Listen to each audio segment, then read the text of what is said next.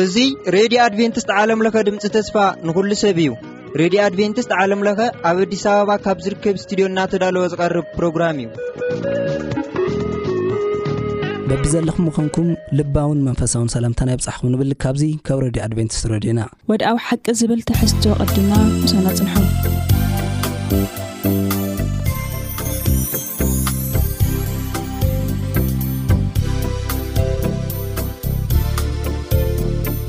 ሰላም ከመይ ቀኒኹም ክቡራት ተኸታተልቲ መደባትና። እዚ መደብ እዚ መደብ ወድዓዊ ሓቂ እዩ። በፂሕናዮ ዘለና ክፋል ክፋል ዓሰርተ ሰለስተ ትምህርቲ እዩ። እቲ ኣርእስቱ መሪሕ ቃል ድማ እቲ ናይ መወዳእታ ተልእኮ እግዚኣብሔር ይብል። ናይ መጨረሻ ናይዚ ራብዓይ ርባዕ መደብ ውድዓዊ ሓቂ ኮይኑ ናይ ሎም ሰሙን ዝጽናዕ ጥቕሲ ደማ ደጊም ሕዚ ኩሉ ዝፈላለ ካብ ኮነ ስሊኡ ሰማያት ብሓዊ መኺኹ ዝፈላለየሉ ፍጥረት ሰማያት ብረስኒ ዝመከሉ ነቲ ምጽኣት መዓልቲ ኣምላኽ እናተጸበኽምዎ እናቐልጠፍኩምዎ ብቕዱስ ንብረት ዝግብኣኩም ካልኣይ ጴጥሮስ ምዕራፍ ሰለስተ ካብ ዓሰርተ ሓደ እስካብ ዓሰርተ ክልተ ልብል ሓቢርና ክንርእየ ኢና። ቅድሚ ናብቲ መደብ ምእታውና እዚ መደብ እዚ ሒዝናልኩም ዝቐረብና ኣነ ሳሌም ነጋሲ ምስ ሓወይ ኣማኑኤል ፍሳየ ብምዃን እዩ። ቅድሚ ናብቲ መደብ ምእታውና ከኣ ሓውና ኣማን ብጸሎት ክኸፍተልና እዩ። ኣብ ሰማያት ትነብር ቅዱስ እግዚኣብሔር ኣምላኽና ነመስግነካ ኣለና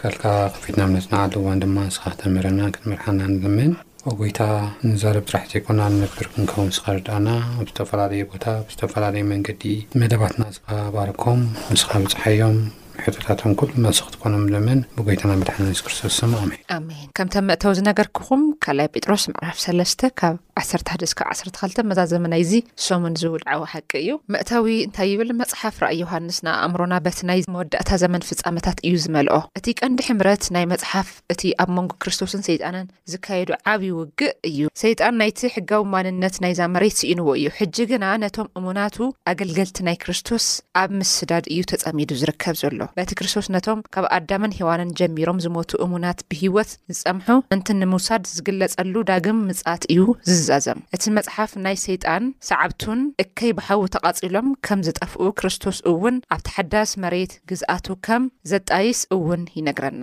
ተምሃርቲ መጽሓፍ ራእይ ድማ ከይዲ ህዝቢ እግዚኣብሔር ቤተ ክርስቲያንን ካብ ቀዳማይ ክፍለ ዘመን ኣትሒዞም እስካብ መወዳእታ ክርስቶስ ዳግማይ ዝምለስ የጽንዕዎ ኣለዉ። ኸምዚ ብምግባር ድማ ቕኑዕ ነገር እዩ። ኣብዚ ናይ ባዕዚ ናይ መወዳእታ ትምህርቲ እምበኣር መጽሓፍ ራእይ ምስዮናዊ መጽሓፍ ከም ዝኾንና ንዓና ድማ ምስዮናዊነት ቤተ ክርስቲያን ክንኸውን ከም ዝጸውዐና ኢና እንርኢ። እቲ ናይቲ እዋናዊ ሓቂ ተልእኾና ድማ ነፍሲ ወከፍ ወይ ንእግዚኣብሔር ከገልግል ወይ ድማ ኣንጻር ደው ክንብል ፍለጡ።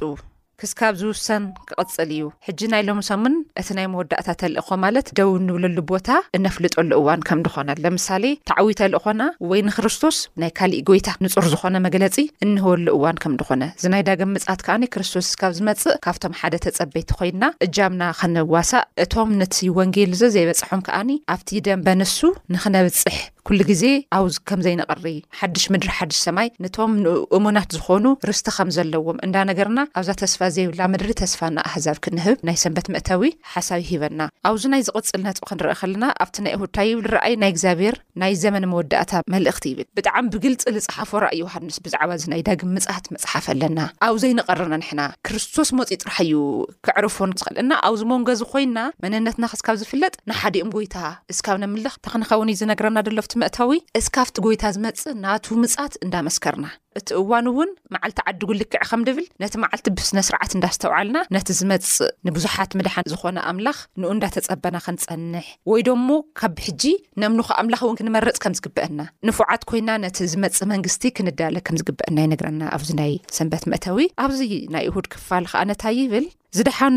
ኣብ ቀዳማይ ጴጥሮስ ክልተ ትሽዓተ ኣንበው ይብል እሞ እዘን ነቶም ዝደሓኑ ዝተውሃባ ሽመታት እንታይ እየን ዝገልጻ ወይ ድማ ንሕና ብእግዚኣብሔር ዝተፈጠርና ጥራይ ዘይኮናስ ብዓብዪ ዋጋ እውን ዝተበጀውና ኢና ነዚ ነገር እዚ ህልው ኩነታት ብዘየገድስ ከመይ ዝበለ ዓብዪ ተስፋ እዩ ዝህበና ነቲ ኣንሕናሲ ብከምኡ ዝተፈጠርና ጥራሕ ለይኹናስ ብዓብይ ዋጋ እውን ከም ዝተዓደግና እዚ ነገር እዚ ንሕሊናና ኮነ ነቶም ምሳና ከማና ዝበሉ ሰባት ከመይ ጌርና ኢና ከንምስክረሎም ዓብዪ ተስፋ ዝህበናኻ ከመይ እዩ ሕራይ የቐኒለይ ናይ ሎሚ ሰንበት ትምህርትና ንኣስታት ዓሰርተ ሰለስተ ሰሙን እናረኣናዮ ዝነበርና ፃኒሒት ናይ እግዚኣብሔር ተልእኾ ናተይ ተልእኾ ዝብል ሓሳብ ኢና እናረኣና ኔርና። እምበኣር ናይዚ ዓሰርተ ሰለስተ ሰሙናት መዛዘሚ ትምህርቲ እዩ ናይ ሎሚ ትምህርትና ማለት እዩ እሞ እቲ ኣርእስቲ እውን ከም ንሪኦ እቲ ናይ መወዳእታ ተልእኾ እግዚኣብሄር ዝብል እዩ። እቲ ናይ መወዳእታ ተልእኾ እግዚኣብሄር ቅድሚ ምርኣይና ዋና ተልእኾ እግዚኣብሄር እንታይ እዩ? ናይ እግዚኣብሄር ዕማም ወይ ድማ ናይ እግዚኣብሄር ዕዮ እንታይ እዩ? ንምባል ናይ እግዚኣብሄር ዕማም ወይ ድማ ናይ እግዚኣብሄር ዕዮ ደቂ ሰባት ብኃጢኣት ዝወደቑ ካብ ኣምላኽ እተፈለዩ ሰባት ናይ ምድሓን፣ ብቕድስና ኺመላለሱ ናይ ምግባር፣ ካብ ቅጽዓትን ካብ ጥፍኣትን ንኺድሕኑ ምግባር እዩ። እግዚኣብሔር ኣብ ዘመናት ዝገብሮ ዝነበረ፣ ኣብ ብሉይ ኪዳን ኮነ ኣብ ሓድሽ ኪዳን ዝሰርሖ ዝነበረ ሥራሕቲ እዚ እዩ። እሞ ሕጂውን እቲ ተልእኾ ኣብ መወዳእታ ዘመን እኳ እንነብር ሰባት እግዚኣብሔር እዚ ተልእኾ እዚ የካይዶ ከም ዘሎ ከም ዘካይዶ ውን ዝዛረብ ሓቂ እዩ ማለት እዩ። ስለዚ ናይ እግዚኣብሔር ተልእኾ ናተይ ተልእኾ ከም ዝኾነ ስለዚ ኣብዚ ተልእኾ እዚ ኣብዚ ናይ እግዚኣብሔር ስራሕ ንሕና ውን ተጸምቢርና ነቶም ክርስቶስ ዘይፈለጡ ከነፍልጥ ከም ዝግብኣና ነቶም ንክርስቶስ ክርእይዎ ዘይከኣሉ ምእንቲ ክርእይዎ እጃምና ክነበርክት ከም ዘለና ናብ መጽሓፍ ቅዱስ ክመጹ እጃምና ክነበርክት ከም ዘለና ዘርኢ ሓሳብ እዩ ማለት እዩ። እምበኣር ናብቲ ዝሓተትክኒ ሓሳብ ቅድሚ ምእታወይ ክርስቶስ ነቶም ብእኡ ኣሚኖም ዝሰዓቡ ሰባት ኣብ ቀዳማይ ጴጥሮስ ክልተ ፍቕዲ ትሽዓተ ከምኡውን ኣብ ራእይ ምዕራፍ ሓደ ፍቕዲ ሽዱሽተን ሸውዓተን ከይድና ኣብ ንርእየሉ እዋን እንታይ እዩ ዝብል ንስኻትኩም ካብ ጸልማት ናብ ብርሃን ዘውጽኣኩም ናይ እግዚኣብሄር ተንበባ ምሓሸ ቀዳማይ ጴጥሮስ ክልተ ትሽዓተ ንስኻትኩም ግና ይብል በቲ ሓድሽ ትርጉም ናይ ትግርኛ መጽሓፍ ቅዱስና እየ ዝንብብ ናይቲ ካብ ጸልማት ናብ ዘገርም ብርሃን ዝጸውዓኩም ዘደንቕ ስራሕ እግዚኣብሄር ምእንቲ ክትነግሩ ዝመረጸኩም ሕሩይ ወለዶ ኢኹም ይብለና ንሱ ጥራሕ ግን ኣይኮነን ናይ ንጉስ ካህናት ቅዱስ ህዝቢ ጥሪት እግዚኣብሄር ዝኾነ ህዝቢ ኢኹም ኢሉ ይጽዋዓና ማለት ስለዚ ኣብዚ ዝተዋህቦም ስያሜታት ወይ ድማ ዝተዋህቦም ሓላፍነታት ነቶም ብክርስቶስ ዝኣመኑን ነቶም ክርስቶስ ዝስዕቡን ዝተዋህቦም ሓላፍነት ኬድና ክንርኢ ከለና ሑሩይ ወለዶ እዮም ናይ ንጉስ ካህናት እዮም ቅዱስ ህዝቢ እዮም ጥሪት እግዚኣብሔር ከም ዝኮነ ኢና ንዛረብ ስለዚ ኣብ ራይ ምዕራፍ ሓደ ፍቅዲ ሽዱሽተ ከኣ ከይድና ንሪኤሉ ኣሕዋን ስለዚ ንእግዚኣብሔር ኣቡኡ ድማ መንግስትን ካህናትን ዝገበረና ይብል ነዚ የጣናክሩ ኣብ ቀዳማይ ጴጥሮስ ምዕራፍ ክልተ ፍቅዲ ሸውዓተ ዘንበብናዮ እግዚኣብሔር ኣቡኡ ድማ መንግስትን ካህናትን ዝገበረና መን ክርስቶስ ክብርን ስልጣንን ዘላለም ኣለም ንእኡ ይኩኑ ኢሉ ክዛረበና ከሎ ኢና ንርኢ ስለዚ ናይ ክህነት ማዕርግ ከም ዝሃበና ኢና ንርኢ ማለት እዩ ኣብ ቅድሚ እግዚኣብሄር ኮይና እነገልግል ክብሪ እግዚኣብሄር እንእውጅ ሰባት ገይሩ ከም ዝመረጸና ኢና ንርኢ ስለዚ ማንም ኣማኒ ማንም ናይ ክርስቶስ ሰዓቢ ሕሩይ ወለዶ እዩ ናይ እግዚኣብሄር ካህን እውን እዩ ማለት እዩ እዚ ዓይነት ክብሪ እዚ ዓይነት ስልጣን ድማ ክንጓናጽፉ ዝኸኣልና ኣብ ራእይ ምዕራፍ ሓደ ካብ ኣርባዕተ ክሳብ ሓሙሽተ ብዘሎ ጽሑፍ እዩ እንታይ ዝብል ራእይ ምዕራፍ ኣርባዕተ ሓደ ካብ ኣርባዕተ ክሳብ ሓሙሽተ ትሕት ኢለ ክንብባይ ካብቲ ዘሎን ዝነበረን እቲ ምድሓን ዝመጸልና ማለት እዩ ካብቲ ዘሎን ዝነበረን ዝመጽእን፣ ካብቶም ኣብ ቅድሚ ዙፋኑ ዘለዉ ሸውዓተ መናፍስቲ፣ ካብቲ ካብ ሞት ብምትንሳእ በዅሪ ዝዀነን እሙን ምስክር የሱስ ክርስቶስ ጸጋን ሰላምን ምሳኻትኩም ይኹን። ስለዚ ናብ ከምዚ ዓይነት ድሕነት፣ ናብ ከምዚ ዓይነት ክብሪ፣ ናብ ከምዚ ዓይነት ጸጋ ወይ ድማ ውህበት ክንበቅዕ ዝኸኣልና ካብቲ ዘሎን ዝነበረን ዝመጽእን፣ እግዚኣብሄር ኣቦ ከም ዝኾነ፣ ካብቶም ኣብ ቅድመ ዙፋኑ ዘለዉ ሸውዓተ መናፍስቲ ዝብሎም ዘሎ፣ እዚ ንመን እዩ ዝውክል ኣብ ራእይ ዮሃንስ? ንመንፈስ ቅዱስ እዩ ዝውክል። ምኽንያቱ ሸውዓተ ናይ ምንታይ ምልክት እዩ? ናይ ፍጻሜ፣ ናይ ምልኣት ምልክት ብናይ እግዚኣብሄር ማለት እዩ። እግዚኣብሄር ሽዱሽተ መዓልቲ ሰሪሑ ሻብዓይ መዓልቲ ዓረፈ ይብለና። ስለዚ ሸውዓተ ናይ ፍጽምና፣ ናይ ምሉእነት እዩ። ስለዚ ሸውዓተ መናፍስቲ ክብል ከሎ መንፈስ ቅዱስ ከም ዝኾነ ኢና ንርኢ ፍጹም ዝኾነ መንፈስ መንፈስ ቅዱስ ከም ዝኾነ ኢና ንርኢ እዚ እሙን ምስክር ኢየሱስ ክርስቶስ ድማ ካብዚኦም ድሕነት ከም ዝመፀና ካብዚኦም ድማ እዚ ዓይነት ክብሪ ክንረክብ ከም ዝኸኣልና ኢና ንርኢ ሓደ ኣምላኽ እዩ ሰለስተ ንብሎም ሓደ ኣምላኽ ኢቭን እኳ ኣቦ ወዲ እኳ ተደይኮነ መንፈስ ቅዱስ ድማ ኣቦ እኳ ተደይኮነ ንናይ ባዕሎም ማነት እኳ ተሃለዎም ግን መፅሓፍ ቅዱስ ሓደ ኣምላኽ ስለ ዝብሉ ንሕና እውን ሓደ ኣምላኽ ኢና ሰለስተ ኣምላኽ ኣይንብሎን ኢና ስለዚ ኣብ ምድሓን ውን ተሳተፍቲ ከም ዝነበሩ ሰለስቲኦም ውን ዘርእየና ሓሳብ እዩ። ንዓና ኣብ ምድሓን ንዓና ኣብ ምኽባር ዓቢ ተሳትፎ ከም ዝነበሮም ዘርእየና እዩ። ዝኾነ ኮይኑ ንሳቶም ብዝተሳተፍዎ ንሕና ካብ ሓጢኣትና ድሒንና ከምዚ ዓይነት መዓርግ ከም ተዋሃበና ናይ ክህነት መዓርግ ከም ዝተዋሃበና እዩ ዝነግረና ማለት እዩ። ንኣይሁድ ክገልጾ ዝጸንሖ መጀመርያላይ ሪማይንድ ኢዩ ዝገብር ነይሩ ሰባት መጀመርያ ከስታውስዎ ከም ዘለዎም ናይ ክርስቶስ ዳግም ምጽኣት ብዙሓት ሰባት ረሲዖሞ ከም ዘለዉ ኣብ ካሊሕ ዕዮ ከም ዝርከቡ ምክንያቱ እዚ ንብዙሕ ግዜ ኢዩ ዝንገር ዘሎ እዚ ወንጌል እዚ ስለምንታይ ኣብ ካሊእ ስራሕ ኣቲና ስለ ዘለና ናይ ክርስቶስ ዳግም ምጽኣት ንብዙሓት ኣህዛብ ክንነግር ኣይከኣልናን ብብዙሓት ምክንያት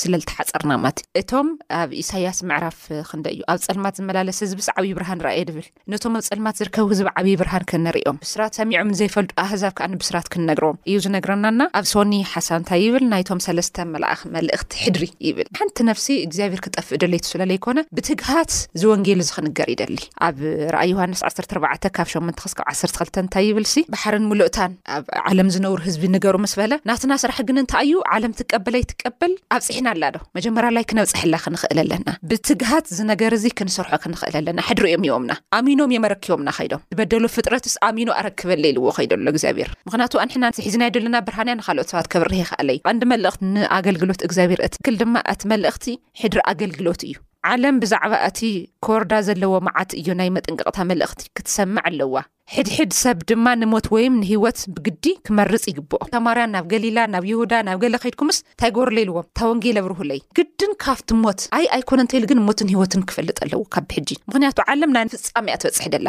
ስለዚ ናብኡ ተዋሳእቲ ከይንከውን እዩ ናብቲ ናይ ጥፍኣት ተዋሳእቲ ከይንከውን እዩ ሕጂ ውን ሪማይንድ ዝገብረና ደሎ ቀንዲ ትሕዝቶ እዩ ኣብዛ ኣርቲክል ታይ ድብል ክወርዳ ዘለዎ መዓት መጠንቀቕታ መልእኽቲ ክትሰምዕ ኣለዋ ተዘይሰሚዓ ስናብ ሞት እያ ክትከይድ ክትመውት ከኣ ፍቓዱ ኣይኮነ እዩ። ስለዚ ክሰምዑሉ ልኽእል ጥጡሕ ባይታ ክንምስርት ክንኽእል ኣለና። ከመይ ተይልና ከኣ ቅድሚ ሕጂ እንዳተነገረ ጸኒሑ ብኸመይ መልክዕ ኢና ነቶም ሃፋትም፣ ነቶም ድኻታት፣ ነቶም ዘይተረኣዩ፣ ነቶም ዘይተሰምዑ ከመይ ጌርና ንኣኣቶም ብዛዕባ ሰለስተ መልኣኽ መልእኽቲ ክንነግሮም ከም ዝግበእና ማለት እዩ። ኣብ ራኢ ዓሰርተ ኣርባዕተ ተዋሂቡ ዘሎ ናይቶም ሰለስተ መልኣኽ መልእኽቲ ቀንዲ ናይ ቤተ ክርስቲያን ሻብዐይቲ መዓልቲ ኣድቬንቲስት ንዓለም ክተጋውሑ ዝተውሃባ መልእኽቲ እዩ። ናይ መልእኽቲ ቀንዲ ዓንዲ ሕቖኡ ድማ ሽቶ ክልተ ቀንዲ ሓሳባት እዩ። ዘልኣለማዊ ወንጌልን ንፈጣሪ ምምላኽ ዝብላ እየን። እዚ ናይ ሰለስተ መልኣኽ መልእኽቲ እዚ ዓበይቲ ነጥብታት ሒዝና ክንነግር እዩ ዘስታውሰና። እዚ ክንገብር ከኣ ንእዩ ብጣዕሚ ብትግሃት ብትግሃት ዝነግረና ዘሎ። ግልጺ ልኾነ ሓሳብ ዘልኣለማዊ ወንጌልን እቲ ሰማይን ምድርን ዝፈጠረ ኣምላኽን ምድሪ ብምሉኣ ክተምልኽን እዩ እቲ ዓብዩ ወንጌል። ስለዚ እዚ እዩ ናይ ሶኒ ክፋል። ኣብ ናይ ሰሉስ ክፋል ከኣ እቲ ናይ መወዳእታ ሽግር ይብል። ታይ ይብል እስኪ ኣብቲ ክርስቶስ ንዓኻትኩም ብውልቀ እዩ ዝተመልከተኩም ዝብል ሓሳብ ኣስተንትኑ። ክንዲ ዝኣኽሎ ሕማቕ ይኹን ዝገበርኩሞ ሓጢኣት ካብቲ ክርስቶስ ኣብ መስቀል ዝኸፈሎ ንላዕሊ ክኸውን ይኽእል ኢልኩም ዶ ሓሲብኩም ትፈልጡ? እቲ ናይ መወዳእታ ሽግር ኢለ ክገልጾ ከሎ ግን ንሱ ደይኮነ ስለምንታይ እዩ ሕድሕድ ጉጅለ ሰባት ንእግዚኣብሔር ዘገድሶ ካልኣይ ጲጥሮስ ምዕራፍ ሰለስተ ቁጽሪ ትሽዓተ እንኦ ከም ዝጓዝም ኣንበሳ ንኣኻትኩም ካብታ ትህደንደላ ነብሲ ብጣዕሚ ተገዲሱ ከውጽእካ ከም ዝደሊ ዋላ ካብቲ ናይ ክፍኣት መፈንጥራ እና እቲ ናይ መወዳእታ ሽግር ክብል ከሎ እንታይ እዩ ክብል ደልዩ እንታይ እዩ ዘገድሶ ኮይኑ እግዚኣብሔር ሕድሕድ ጉጅለታት ንእግዚኣብሔር ዘገድሶ ነገር እንታይ እዩ ቀዳማይ ዮሃንስ ምዕራፍ ኣርባዕተ ፍቕዲ ሸሞንተ እግዚኣብሔር ፍቕሪ እዩ ፍቕሪ እውን ንሕና ዝተምሃርናያ ወይ ድማ ዝፈለጥናያ ብኡ እዩ በቲ ዝሃበና ፍቕሪ ይብል እሞ ነገር ግን እዚ ዓይነት ፍቕሪ ተዋሂቡ ከሎ እዚ ዓይነት ናይ እግዚኣብሔር ድሌትን ሓሳቡን እውን ኣብ ቀዳማይ ጢሞቴዎስ ምዕራፍ ክልተ ፍቕዲ ኣርባዕተ ክዛረበና ከሎ ኩሉ ሰብ ክድሕንን ናብ ፍልጠት ሓቂ ክበጽሕ እንከሎ ብዙሓት ግን ካብዚ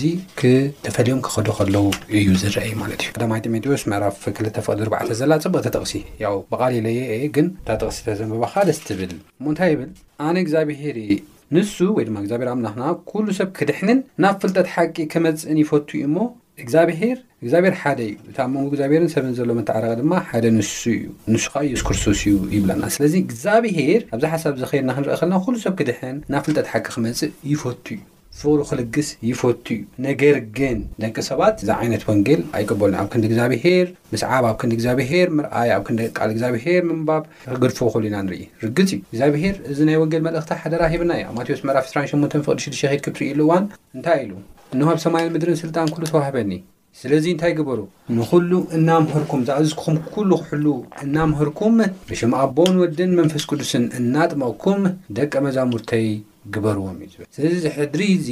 ሓደ ኣብቶም ኣመንቲ ብእሙንነት ክዓዩ፣ ምኽንያቱ መንፈስ ተዳልዩ እዩ፣ ስጋ ግን ደካማ እዩ ዝብል። ስለዚ ብእሙንነት ክዓዩ እቲ ወንጌል ከብጽሑን ይዛረብ። ምኽንያቱ ወንጌል እንተ ደይበጺሑ ጥፍኣት ኣሎ ቀዳማይ። ወንጌል እንተ ደይተቐበሉ ኣብ ውሽጢ ጥፍኣት ኣሎ ኣብ መጻኢ። ስለዚ ካብዚ ዓቢ ሽግር ካብዚ ኣብ ቅድሜና ዘሎ ፍርዲ ንምሕላፍን ንምድሓንን እንታይ ክንገብር ኣለና እዩ? ናብ የሱስ ክርስቶስ ክንመጽእ፣ ክንኣምን፣ ኣብኡ ክንዕቆብ ይግብኣና እዩ። ኣብ ዘፍጥረት ምዕራፍ ዓሰርተ ክልተ ፍቕዲ ሰለስተ እግዚኣብሄር ንኣብርሃም እንታይ ኢልዎ ነይሩ? እናባረኽኩ ክባርኸከ ዘርእኻ ድማ ከም ዘይቁጸሩ ክገብረከ ኢሉ ተስፋ ከም ዝሃቦ እግዚኣብሄር ንኹላትና በረኸት ኣዳልዩ ኣሎ። ስለዚ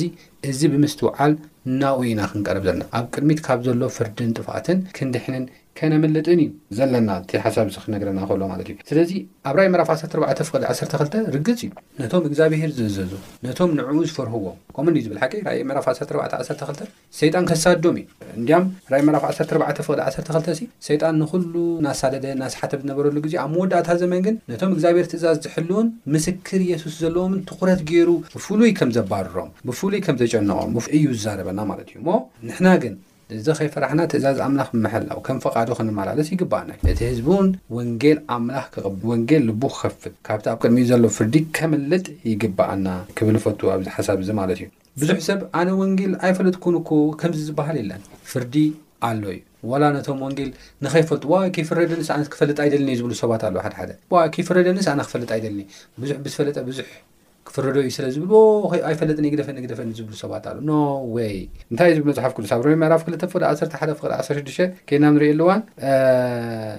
ኢቭን እኳ ነቶም ዘይበርሃሎም ኢቭን እኳ ነቶም ዘይፈለጡ በታ ዝፈለጥዋ በታ ሕልናኦም ብኣኣ ከም ዝፍረዱ እዩ ይዛረበና ስለዚ ማንም ካብ ፍርዲ ዘምልጥ ሰብ የለ ስለዚ ዝሓሸ ናይ ክርስቶስ ጸጋ ፈሊጥካ ናብ ፍልጠት ሓቂ መጺኻ ብኡ ኣሚንካ ብኡ ተወኪልካ ከም ፍቓድ ኣምላኽ ክምምላስ እዩሞ ናብኡ ክንከይድ ይግባኣና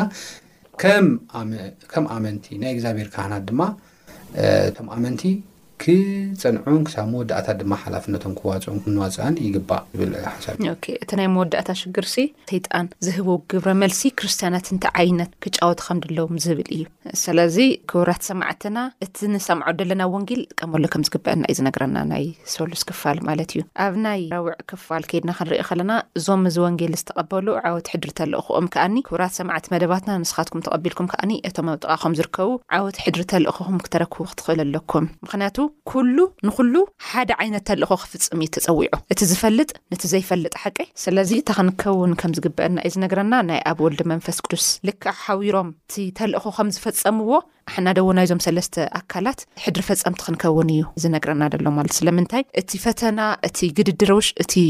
ምውጻእን ምውራድን ክርስቶስ ካብ ዝመጽእ እዩ ድሕሪ ዩ ዘቋርጽ ነገር እዩ ግን እቶም እሙናት እስካብ ዘስሕቶም እዩ ድብል ማለት ተስፋኦም እስካብ ዝጽንቅቕ ብተስፋ እዩ ዝላገጽ ሰይጣን ስለዚ እዚ ሒዝና ናብቲ ናይ ዓወት ሕድሪ ተልእኮ ንኸይድ ማለት እዩ ኣብዚ እንታይ ይብል ሲ ኣብ ኢሳያስ 30 ቁፅሪ 21 ዶ ኣማን ሓዊተን በበልና 30 21 ባህርያት ሰዓብቲ ክርስቶስ ዝኾኑ ወይ ደሞ ናይዘን ኣባጊዕ ክርስቶስ ዝኾኑ እንታይ ዓይነት ገጸ ባህርያት ከም ዝጫወቱ እንታይ ዓይነት ባህሪ ከም ደለዎም ይነግረና ማለት እዩ እዞም ባህርያት እዚኦም እዞም ሰዓብቲ ክርስቶስ ድምፂ እግዚኣብሔር ፈልዮም ዝፈልጡ እዮም እንታይ ይብለፍቲ ከዓ ኣብ ሓደ መፅሓፍ ከዓኒ ብንፅህና ዝመላለስ ልክዕ ከምዚ ንበዓል ቤታ ብንፅህና እትፅበዮ መርዓት እዮም ይብል ስለዚ ዓወት ሕድሪ ተልእኮ ማለት ኣሕና ንካልኦት ሰባት ክነድሕን ከለና ንካልኦት ሰባት እቲ ወንጌል ክንነግሮም ከለና ልፈታተነና ፈተናታት እንኦ። ስለዚ ንሕና ብትብዓትን ብትሕትናን ክዕ ናይ ክርስቶስ ክንኾን ከለና ናይ ክርስቶስ ገጸ ባህርያት ኢና ነንጸባርቕ። ናትና ዝበሃል ባህሪ የብልናይ ናይ ክርስቶስ ባህሪ ኢና ነንጸባርቕ እና። ንየማን ናውዚ ዝብል ድምጺ ማዕበል ክመጽእ እንከሎ እቲ ናይ እግዚኣብሔር ድምጺ ፈልዮም ስለ ልፈልጥዎ ናይ ኣቦኦም ድምጺ እንዳተኸተሉ እዮም ዝኸዱ። ካሊእ ከኣኒ ብዙሕ ጥቕስታት ሳምፕል ኢና ጠቒስናልኩም። ኣብዚ ከኣ እንታይ ይብል ደቀ መዝሙር ክርስቶስ ንጹሃትን ከምታ ንበዓል ቤታ ብንጽህና ኣትጽበዮም መርዓት። ሰባት እዮም። ነቲ በቲ ትሑት ዝበለ ድምጺ ናይ መንፈስ ቅዱስ ዝመርሖም ክርስቶስ ይስዕቦም፣ ይስዕብዎ፣ እዚ ድማ ነቲ ናብቶም ዝጠፍኡ ነብሳት ንምብጻሕ ምምራሕ እውን ዘጠቓልል እዩ። ኣብዞም ደቀ መዝሙርቲ ምትላል የሎን። ብናይ ዓርሰ ምትላል ብልጽግና ናይ ሓሶት ትምህርቲ ሓሳባት እውን ኣይኹብልሉን እዮም፣ ከምኡ እውን ልዕሊ ካልኦት ከም ዝኾኑ ኣይስምዖምን እዩ። ፍጹማት ከም ዘይኰኑ ኣሚኖም ኣብ ምሕረት ጸጋ እግዚኣብሄር እዮም ዝውከሉ። ነዚ ተቐቢሎምዎ ድማ ንምኽርን መእረምታን ምቕባል ኩል ግዜ ድልዋት እዮም ዝዀኑ። ዓወት ኣብ ተልእኾ ኣገልግሎት እምበኣር ከምዚኣቶም ዝኣምሰሉ ሰባት እዮም ዘሳልጡ። ነየናይ? ነቲ ሕድሪ ተልእኾ ማለት እዩ። ስለዚ ነቲ ሕድሪ ተልእኾ ክንፍጽም ከለና ብዓርሰ ትምክሕትነት፣ ብምትላል፣ ብናይ ናይ እማትካ ብልጽግና ምድላይ ወይ ደሞ ኣብ ልዕሊ ካልኦት ንባዓልካ ኣልዒልካ ንካልኦት ምንኣስ ወይ ደሞ እሶም እንታይ ባል ኮይኑ ብሉ ዝኾነ ፕራውድ ዓይነት ስምዒት ዝስምዖም ሰባት ወይ ደሞ ምሕረትን ፀጋን ብቐሊሉ ንሰባት ክምሕሮ ለይክእሉ እዚ ነገር ተዘይሃልዎም ነዚ ሕድሪ ተልእኾ ክፍፅሙ ከም ለይክእሉ ይነግረና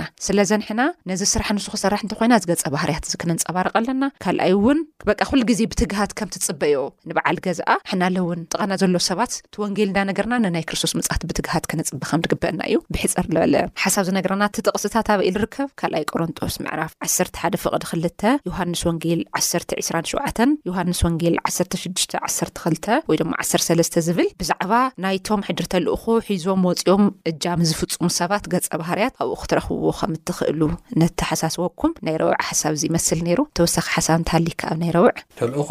ምዕዋቱን ዘይምዕዋቱን